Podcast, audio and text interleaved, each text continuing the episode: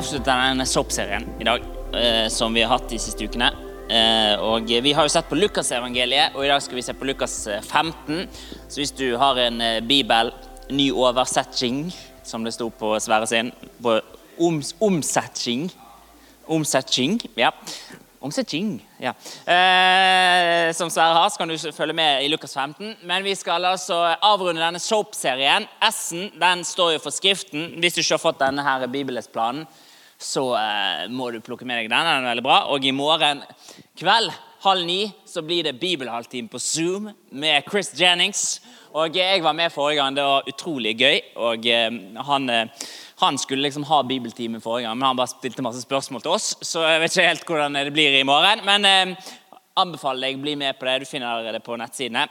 Eh, men S-en står i hvert fall for Skriften. O-en står for observasjon. Da leser vi teksten, og så observerer vi hva som, som står her. A-en står for anvendelse, altså hva betyr det jeg har lest for mitt liv. Og P-en står for personlig bønn. Og det er ikke noe forskjell på personlig bønn og vanlig bønn. Bare at uh, soap høres bedre ut enn soap. Ja. Så det er derfor. Så vi skal se på Lukas 15 i dag. Kanskje er det de mest kjente lignelsene i uh, Bibelen. Og Tarjei, kan du kommer opp her? Tarjei skal få lov til å lese denne lignelsen for oss i dag. Eh, yes, for jeg har prekt hele dagen, lei av å snakke. Kan du lese derfra til dit? Ja, det er mye. Da kjører vi.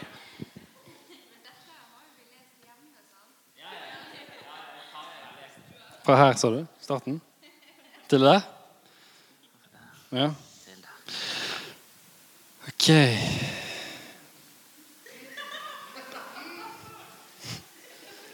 Hold dere fast. Ok. Jesus sa En mann hadde to sønner. Den yngste sa til faren, 'Far, gi meg den delen av formuen som faller på meg.'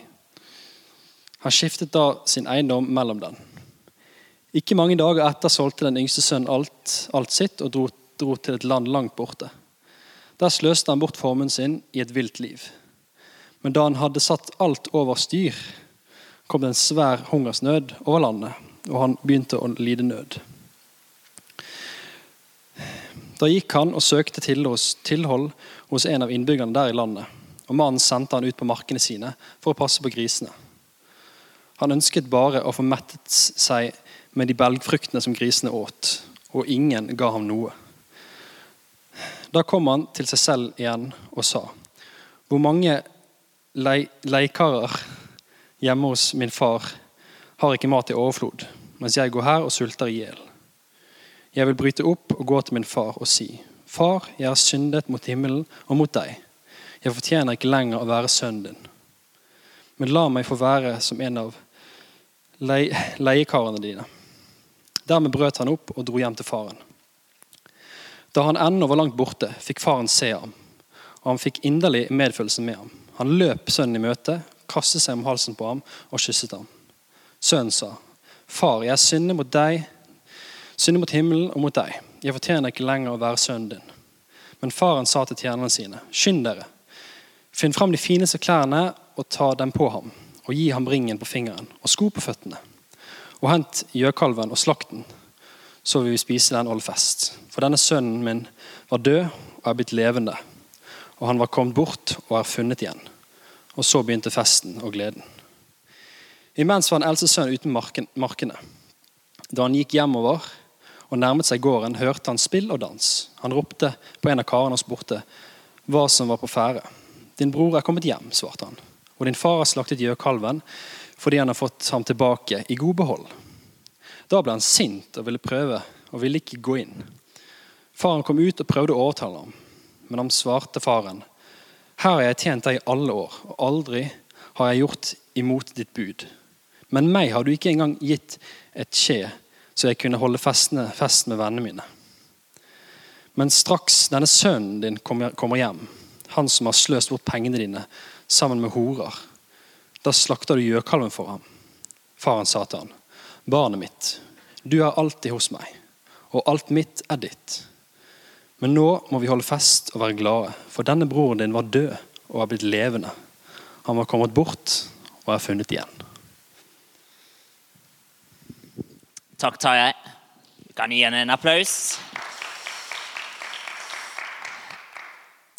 Den eh, lignelsen som Tarjei leste for oss her nå, den eh, har eh, nok de aller fleste av oss hørt mange ganger eh, før.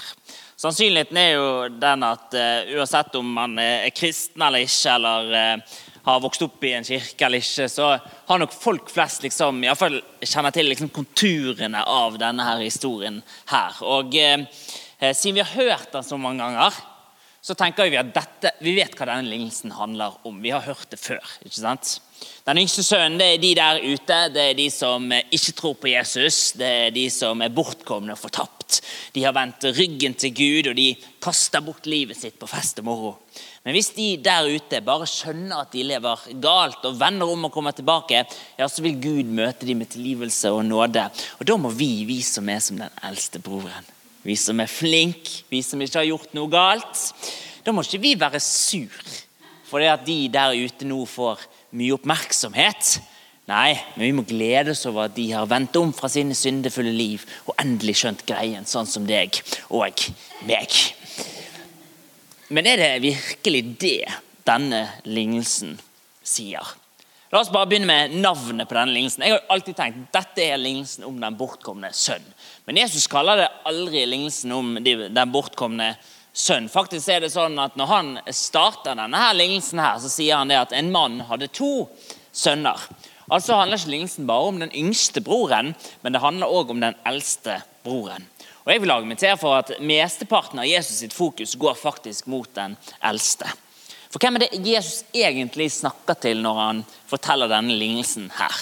Jo, I begynnelsen av Lukas 15 så får vi et lite hint om det. Der står det, det at alle tollerne og synderne de holdt til Jesus for å høre ham. Men fariseerne og de skriftlærde de murret og sa seg imellom. Denne mannen tar imot syndere og spiser sammen med dem. Og Da fortalte han dem denne lignelsen. Her har vi altså fariseerne og de skriftlærde. De klager over at Jesus inviterer syndere på middag. Og Fariseerne og de skriftlærde det var jo den eh, liksom, religiøse eliten på den tiden. De hadde fått eh, grundig utdanning i den jødiske loven. De var voktere av den moralske tradisjonen. De var overgitt til å studere og leve etter Guds ord, og de ba sine bønner nærmest kontinuerlig. Og de var sjokkert over hvordan Jesus levde livet sitt. For Jesus hadde jo en tendens til å både tiltrekke seg og bruke mesteparten av sin tid med de som syntes å hate religion aller mest. Så når Jesus impliserer med denne lignelsen er at synderne og trollene de er som den yngste broren som blir invitert inn på festen, mens fariseerne og de skriftlærde er som den eldste broren som blir stående på utsiden av festen, ja, så må det jo ha skapt enorme reaksjoner. For Vi tenker jo at dette er jo en sånn søt, liten, rørende historie om den yngste broren. Sant? Om hvordan Gud elsker oss og tar imot oss uansett hva vi har gjort. Men hvis vi virkelig forstår hvorfor Jesus fortalte denne lignelsen, og hva han implisitt formidlet med han, ja, så vil vi se at tilhørende de var faktisk sjokkert, de var fornærmet, og de var rasende. Veldig enkelt sagt kan få opp det neste bildet, så har vi mennesker eh, to tilnærminger til Gud, hva enn vi legger i det begrepet, og til frelsen, eller det vi kan kalle det høyere målet med livet, hva som er det gode liv. På den ene siden så har vi det man kan kalle moralisme eller moralistisk tilnærming. Denne tilnærmingen sier at veien til frelse, eller til det gode liv, det er å finne Gud ved å adlyde hans lov. Eller iallfall leve opp til en eller annen moralsk standard. Så selv om Gud kan tilgi oss når vi vender oss fra det som er galt, så må vi likevel prøve å leve opp til denne moralske standarden med vår egen godhet. På den andre siden så har vi relativisme, eller det vi kan kalle en mer relativistisk tilnærming. Og Denne tilnærmingen sier at veien til frelse eller til det gode livet det er gjennom å finne oss sjøl ved å følge våre hjerter. Og Det kan være at det finnes en Gud, det kan være at det ikke finnes en Gud. Men dersom det finnes en Gud, ja, så vil han akseptere oss hvis vi oppriktig søker og lever etter det vi selv opplever og selv definerer som gode prinsipper for livet. Og Dersom den siste halvdelen av denne lignelsen hadde vært utelatt, og lignelsen hovedsakelig handlet om den yngste broren, ja, så kunne både moralistene og relativistene tatt denne historien for å bekrefte sitt verdenssyn. Relativistene de kunne sagt at der ser du, det har ikke noe å si hvordan, hva man gjør eller hvordan man lever livet sitt. Den yngste sønnen ble akseptert uansett hva han hadde gjort. Altså tar Gud imot oss uavhengig av hvordan vi lever våre liv. På samme måte kunne moralistene tatt denne tilnærmingen til sin fordel og sagt der ser du, den yngste sønnen ble kun tatt imot. Eller han ødelagte livet sitt når han ikke gjorde etter sin fars vilje og den moralske standarden. Men når han vendte om fra det for å leve et moralsk godt liv, ja, da ble han tatt imot av sin far. Altså tar Gud kun imot oss når vi velger å leve gode moralske liv. Men det at det fins en del to til denne lignelsen, gjør at ingen av disse to tilnærmingene holder egentlig mål. For på den ene siden så utfordrer lignelsen den relativistiske tilnærmingen som ser mangel på personlig frihet som den største ondskapen, ved å vise utfallet av et liv i total personlig frihet. Men på den andre siden så virker det som Jesus sitt hovedbudskap likevel ligger her på den moralistiske tilnærmingen. For Jesus viser oss en far som har to sønner, og begge to sønnene er faktisk like bortkomne fra sin fars hjerte. Den yngste sønnen la det komme til uttrykk ved å flykte langt vekk, men den eldste sønnen, til tross for sin fysiske nærhet, er like mye en fremmed til sin fars hjerte som den yngste. Og Nettopp her er jo det som sjokkerte, som fornærmet, og så gjorde fariseerne og de skriftlærde så sint. At der den yngste sønnen vender hjem, blir akseptert, blir en del av festen, ja, så lar Jesus det være en åpen slutt hvorvidt den eldste sønnen faktisk blir med på festen eller ikke. Altså så bekrefter Jesus verken den relativistiske eller den moralistiske tilnærmingen, men viser oss en tredje vei. For evangeliet det er verken moralisme eller relativisme. Og Hvis du henger med meg her nå de neste minuttene, så skal vi se at Jesus sin lignelse om den bortkomne sønnen, eller kanskje skal vi kalle det lignelsen om de bortkomne sønnene, viser oss en helt ny måte å tilnærme oss Gud på. For vi har alle sammen forlatt Gud og er som en konsekvens av det fortapt. Men de gode nyhetene er at vi kan alle sammen likevel vende om og reise hjem. Og Når vi gjør det, så kan vi erfare det at Gud han er nådefull, han er en kjærlig far som løper oss i møte, og som ønsker oss velkommen hjem. Du kan ta tilbake på forrige slide eh, igjen. Fariseerne og de skriftlærde de likte jo ikke at Jesus var så mye sammen med disse såkalte synderne. Vi ser det flere ganger når vi leser Lukas evangeliet, at de her eh, Eh, Fariseerne murrer seg imellom. Jeg vet ikke hvordan murring høres ut, men eh, jeg tror ikke det er så veldig positivt. Og så sier de ja, hvorfor spiser og drikker dere sammen med disse synderne?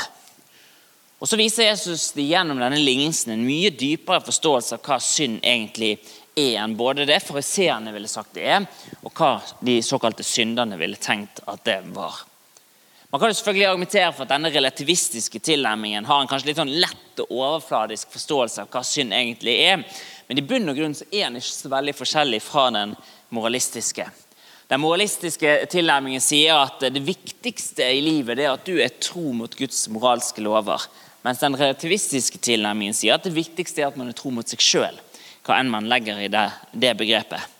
Altså ser begge disse to tilnærmingene på synd som det å bryte reglene. De er bare uenige om hva som er reglene. Men Lignelsen om de bortkomne sønnene viser at synd det er ikke hovedsakelig å bryte reglene, men synd det er å flykte fra Gud. Vi ser jo det ganske åpenbart i den yngste sønnen sin tilnærming. Den yngste sønnen, da kan jeg få neste, eh, sier til faren sin, 'Far, gi meg den delen av formuen som faller på meg.' Og Nå leser vi disse versene her med litt andre kulturelle briller enn det tilhørende da ville opplevd det som. For Vi kan jo tenke sånn, det er egentlig så veldig farlig med å liksom be om litt forskudd på arven. ikke sant? Ja da, Det er jo litt selvopptatt, det er jo litt grådig, men liksom, er det så voldsomt gale, da? Men for tilhørende da, spesielt disse fariseerne og de skriftlærde, de ville jo tenkt at dette var sjokkerende. Det sønnen gjør her mot sin far, det er en dyp fornærmelse. En teolog jeg leste om denne eh, teksten her, beskrev det sønnen spør om her som i bunn og grunn være et ønske om at faren kan gå og dø. Og ikke nok med det. Det tar ikke lang tid før denne sønnen selger hele formuen, og så drar han til et land langt borte, og så kaster han bort alt det faren har jobbet for i alle disse årene, på bare fest og moro. Altså, det er jo lett å se at den yngste sønnen, han synder. Men hos den eldste sønnen så er jo dette litt mer subtilt. Etter at han har fått eh, nyss om at eh, broren er kommet hjem og at faren har stelt i stand en stor fest, så står han sint på utsiden av festen, og så vil han ikke gå inn. Så Faren kommer ut og så prøver han å overtale om han blir med på festen. og Så svarer den eldste sønnen at her har jeg tjent deg i alle år, og aldri har jeg gjort imot ditt bud. Men meg har du ikke engang gitt et skje så jeg kan holde fest med vennene mine. Her ser vi at Den eldste sønnen er jo like opptatt av å kontrollere sin far som den yngste. Den yngste sønnen flyktet til et land langt av sted og var ulydig mot sin far for å få kontroll over hans eiendom, mens den eldste sønnen ble hjemme og var lydig for å oppnå akkurat det samme. Altså var hjertets innstilling hos begge den samme. Begge prøvde å unngå fars autoritet, begge motsa seg fars kontroll, og begge gjorde opprør. Den ene ved å bryte alle reglene, den andre ved å holde dem. Lignelsen om de bortkomne sønnene viser altså at synd handler om mer enn å bryte reglene, men dypest sett er det et spørsmål om hva er det vi gir vår tillit til. Den yngste sønnens synder gjorde at han fikk kontroll over sin fars eiendom, men den eldste brorens rettferdighet var motivert av akkurat det samme målet. Altså var ikke brødrenes tillit knyttet til sin far, men i tingene faren eide. Deres glede, deres følelse av verdi var ikke knyttet til det å tilhøre sin far, men å få kontroll og eierskap over hans eiendom. Altså var begge tilnærmingene måter for oss å bli herre i mitt eget liv. Og Resultatet var at de var begge to dypest sett bortkomne og fortapt. Igjen så er det lett å se hvordan denne yngste sønnen er kommet bort og er fortapt. Altså, du trenger ikke være moralist eller superkristen for å være enig i at det står liksom ikke så bra til med denne yngste sønnen. Han har solgt hele formuen til sin far, han har sløst bort hele formuen på tjo og gøy. Og nå er det kommet hungersnød, og han lider nød. Så Han drar til en bonde og så uh, søker han om jobb der for å passe grisene på marken. Og For jødene så var det liksom, det var så lavt som du kom på rangstigen, denne jobben der. Og så står det at Det eneste han hadde å spise, det var den samme maten som grisene spiste. og Det blir på en måte et sånn utropstegn på at nå har alt gått i dass. Det er jo lett å se at den yngste sønnen er bortkommen og fortapt. Men det at lignelsen viser oss to måter å flykte fra Gud på, betyr òg at han viser oss to måter å gå fortapt på.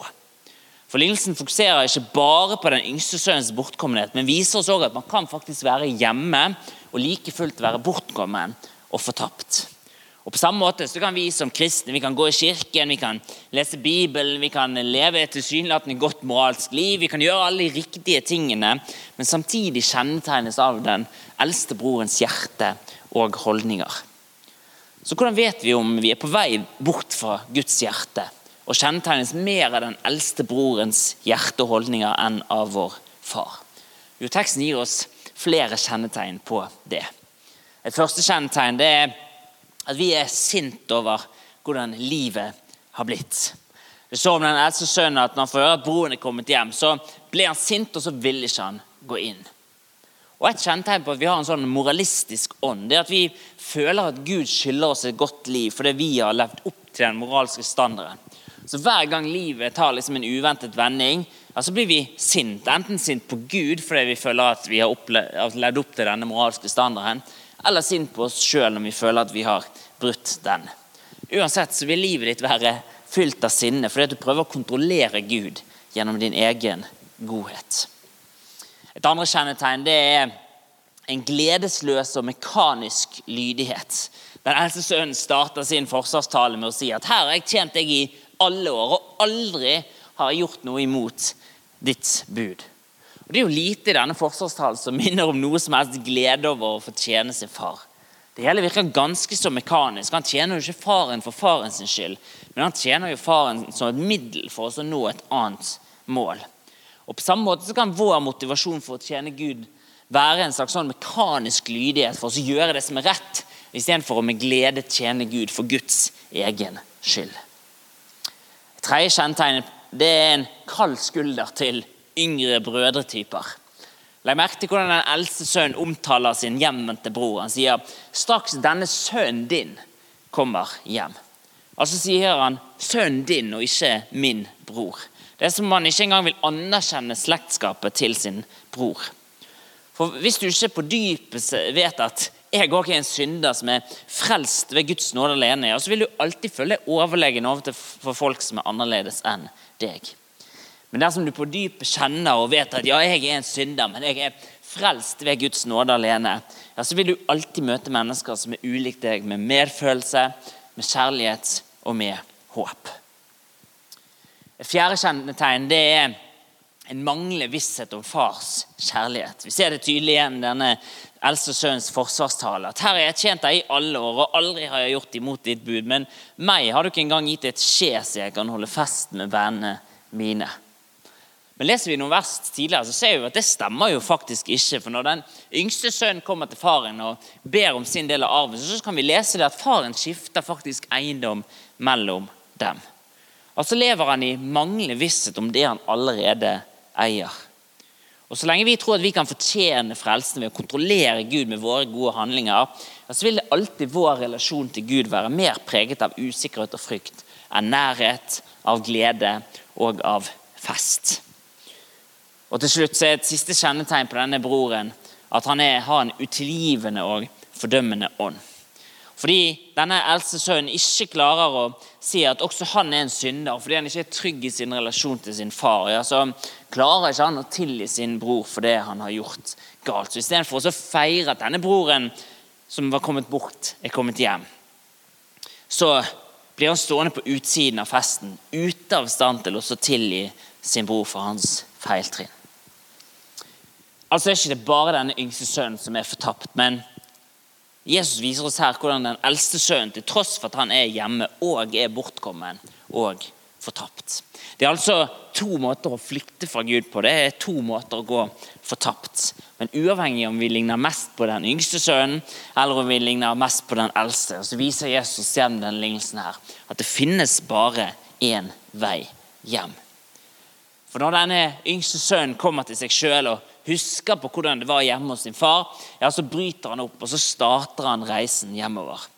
Og Så står det at han var, han var enda langt borte, så får faren se han og fikk inderlig medfølelse med han. Så løper han sønnen i møte, kaster seg om halsen på ham og kysset ham. Og Dette ville jo sjokkert de fariseerne og de skriftlærde som hørte på. For det var jo ingen eldre, respektert, velstående mann fra Midtøsten som ville nedverdige seg på denne måten med en sånn uverdig handling som å løpe sin sønn i møte. Men ikke nok med det, så avbryter han sønnens forsvarstale lenge før han får sjansen til å vise sin fulle anger. Og så kommanderer han tjeneren sin om at han skal overøse sønnen med luksuriøse gaver for å vise sin hengivenhet til han. Men dette gjelder jo ikke bare for den yngste sønnen. For når den eldste sønnen kommer tilbake og blir så sint at han nekter å komme inn på festen, så kan vi lese at faren forlater festen. Og Det ville jo aldri en respektert jødisk mann gjort som vertskap i en så sterk æreskultur. Og så nærmest trygler han sønnen sin om å komme og bli med på festen. For Evangeliet det handler jo ikke om at vi kommer til Gud, men at Gud kommer oss i møte. Ikke nok med det, han løper oss i møte. Og det at vår far løper oss i møte, det er jo ikke en respons på vår omvendelse, men det er jo selve handlingen som leder til vår omvendelse. For du og meg og vi alle vi trenger at Guds nåde møter oss først. Men der den yngste sønnens historie ender med fest og glede, så lar Jesus det være en åpen slutt om hvorvidt den eldste sønnen vil være med på festen. For Jesus ønsket å vise fariseerne og de skriftlærde at vi trenger å omvende oss ja, fra våre synder, men òg fra vår selvrettferdighet. For Roten av både synd og selvrettferdighet er at vi plasserer vår grunnleggende tillit og glede i noe annet enn Gud. Vår grunnleggende synd er derfor ikke å bryte regler, men å prøve å frelse oss sjøl fremfor å vende oss til Gud som den eneste som virkelig kan frelse oss. Så hvem er du? Og eh, hvem er jeg? Jeg hintet jo innledningsvis om at denne lignelsen handler nok ikke bare om den yngste broren, men at den òg handler om den eldste. Og Kanskje var Jesus sitt hovedfokus på nettopp den eldste broren når han forteller denne lignelsen. For vi har det alle i oss som tenderer å bli som den eldste broren. Vi er frelst av nåde, men kanskje opplever vi oppfører oss ikke som om vi lever ved den samme nåden. Kanskje kan vi jo bli så opptatt av å gjøre alt rett at vi kommer til kort i å møte oss sjøl og andre med den nåden og kjærligheten Gud møter oss med. Tim Keller, en amerikansk teolog, han eh, skriver det sånn når han omtaler denne lignelsen. Han sier det at eh, når evangeliet er klart, tenderer moralistiske mennesker å mislike det, mens ikke-religiøse blir nysgjerrige og tiltrukket. Måten å vite at du kommuniserer og etterlever det samme evangeliet som Jesus, det er at yngre brødre er mer tiltrukket til deg enn eldre brødre. Dette er en selvransakende test, for kirkene våre er nesten aldri slik. Den type mennesker som blir tiltrukket av Jesus, er ikke tiltrukket av oss. Vi oss, tiltrekker oss kun konservative moralske mennesker. De løslupne, de frigjorte, de knuste, menneskene som står utenfor majoriteten, de misliker oss. Og Det kan bare bety én ting. At vi tror at vi kanskje forstår evangeliet, men det gjør vi ikke. Hvis vi ikke ser den samme effekten Jesus så, ja, så mangler vi det samme budskapet Jesus hadde. Og Hvis våre kirker ikke er fylt med yngre brødre, ja, så må vi være mer som den eldste broren enn vi ønsker å tro. Fariseerne og de skriftlærde de hadde blitt så opphengt i sin egen selvrettferdighet at de hadde vokst langt fra det nådefulle hjertet til deres far. De hadde blitt sånn som denne eldre broren, ute av stand til å vise sin yngre bror den samme nådene og samme kjærlighet som de ble møtt med av sin far. Men så er det som om Jesus liksom mellom linjene her prøver å formidle at der fariseerne og de skriftlærde på mange måter mislykkes og ble sånn som denne eldre broren i lignelsen, så er Jesus en annerledes eldre bror. Han kom til jorden. Han var fullt ut trofast til Gud, fullt ut trofast til sitt oppdrag. Han hadde rettighetene til alt det som sin far eier. Men istedenfor å fordømme oss for våre feilgrep, ja, så kommer han oss i møte, og så søker han etter oss. Og når han finner oss, ja, så bærer han oss hjem på sine skuldre, full av glede. Og Så gir han oss de fineste klærne og ring på fingeren og sko på føttene. Og så steller han i stand en voldsom fest med det beste av mat og drikke. Og alt er på hans regning. Og Jeg tror aldri at vi kommer til å slutte å være sånn som den eldre broren før vi innser at Jesus han er vår sanne, annerledes eldre bror. Men når vi forstår det, at vi er frelst ved nåde, og vi lever ved den samme nåden, ja, da forandres jo vi til å møte oss sjøl, møte hverandre, møte vår neste med den samme kjærlighet og nåde som møter oss. Amen. Amen. Takk, Jesus, for eh, at du eh, er en sånn Gud som løper oss i møte som oppsøker oss, som eh, går langt av sted for oss og prøver oss å finne oss og hente oss tilbake. Takk, Jesus, at det er sant for oss når vi eh, synder, når vi er langt ute på viddene, når vi, eh, livet går helt skeis, og vi er langt vekk fra din plan. Ja, så oppsøker du oss, så kommer du for å hente oss hjem. Takk for at det òg er sant når vi er hjemme, når hjertene våre har blitt harde, når vi er sånn som denne eldre broren. Når vi er utilgivende og fulle av fordommer. Og, når vi har harde hjerter mot oss sjøl og mot hverandre og mot de som er annerledes enn oss. Da ser du fortsatt den samme faren som løper oss i møte. Som prøver å overtale oss til han blir med inn på festen. Jeg har noe som er så mye bedre for deg. Så hjelp oss, Jesus, å forme våre hjerter. Og eh, hjelp oss også å møte oss sjøl og hverandre med den samme nåden og kjærligheten som du møter oss med. Og hjelp oss også å ikke bli fanget i et sånn her eh, spor av å prøve å gjøre alt rett og leve opp til en eller annen moralsk standard, og så ender vi bare opp med å fordømme oss sjøl eller fordømme hverandre. Men hjelp oss å bli smittet av ditt hjerte. Det hjertet som er fullt av nåde og fullt av kjærlighet. Og da er resultatet at da vil vi leve et annerledes liv. I møte med oss sjøl og i møte med hverandre. Så kom og forandre oss, Jesus. Det ber vi om i ditt navn. Amen.